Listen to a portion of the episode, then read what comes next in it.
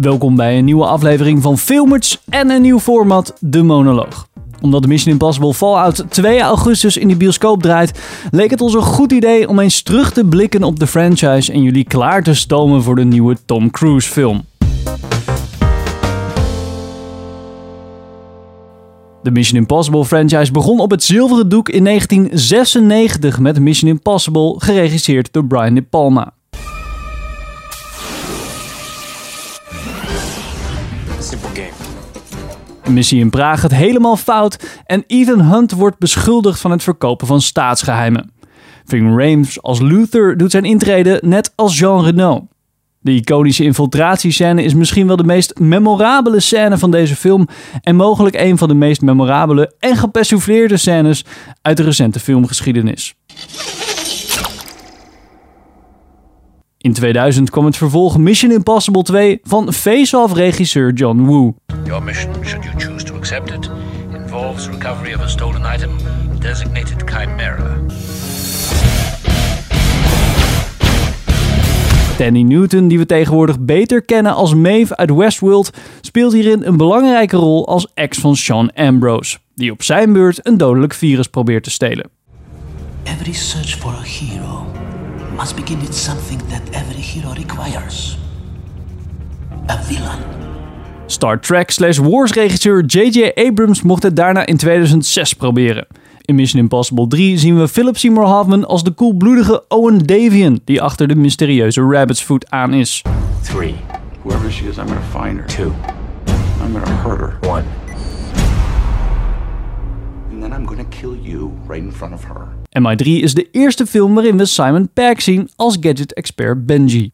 I managed to recover portions of uh, two dozen email files. Also made what I believe to be a thoroughly promotion-worthy breakthrough.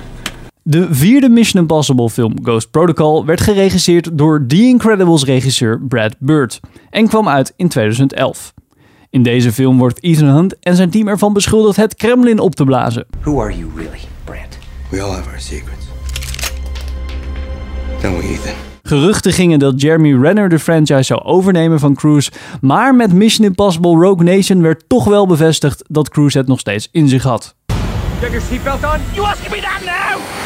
Deze 2015 film van Christopher McQuarrie vertelt het verhaal over de Syndicate. Een duistere organisatie die bestaat uit rogue agents, geleid door Solomon Lane. Hunt vormt een team met Rebecca Ferguson's karakter Ilse Faust, maar is zij wel te vertrouwen? Dam dam dam. You want to bring down the syndicate? It's impossible. Dat brengt ons bij Mission Impossible Fallout, wat trouwens de eerste Mission film is die een andere film in de franchise direct opvolgt. Het verhaal gaat namelijk verder waar Rogue Nation is gebleven. Ook deze film is geregisseerd door Christopher McQuarrie, die hem ook schreef. We zien oude bekenden zoals Rebecca Ferguson, maar ook nieuwe met het karakter van Superman-acteur Henry Cavill. He's not just some observer. He's an assassin. Wist je trouwens dat Tom Cruise iemand is die zoveel mogelijk stunts zelf doet?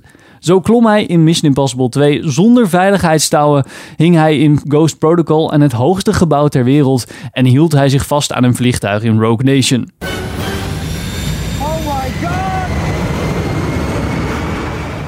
Dus als je in Mission Impossible Fallout Cruise in een helikopter ziet vliegen of een halo jump ziet maken, bedenk je dan dat hij dit helemaal zelf doet. Tot zover onze special over de Mission Impossible franchise. Wat vonden jullie van dit format? Moeten we dit vaker doen? Laat het ons dan weten. Bedankt voor het kijken. Vergeet niet te liken en te abonneren. En tot de volgende aflevering.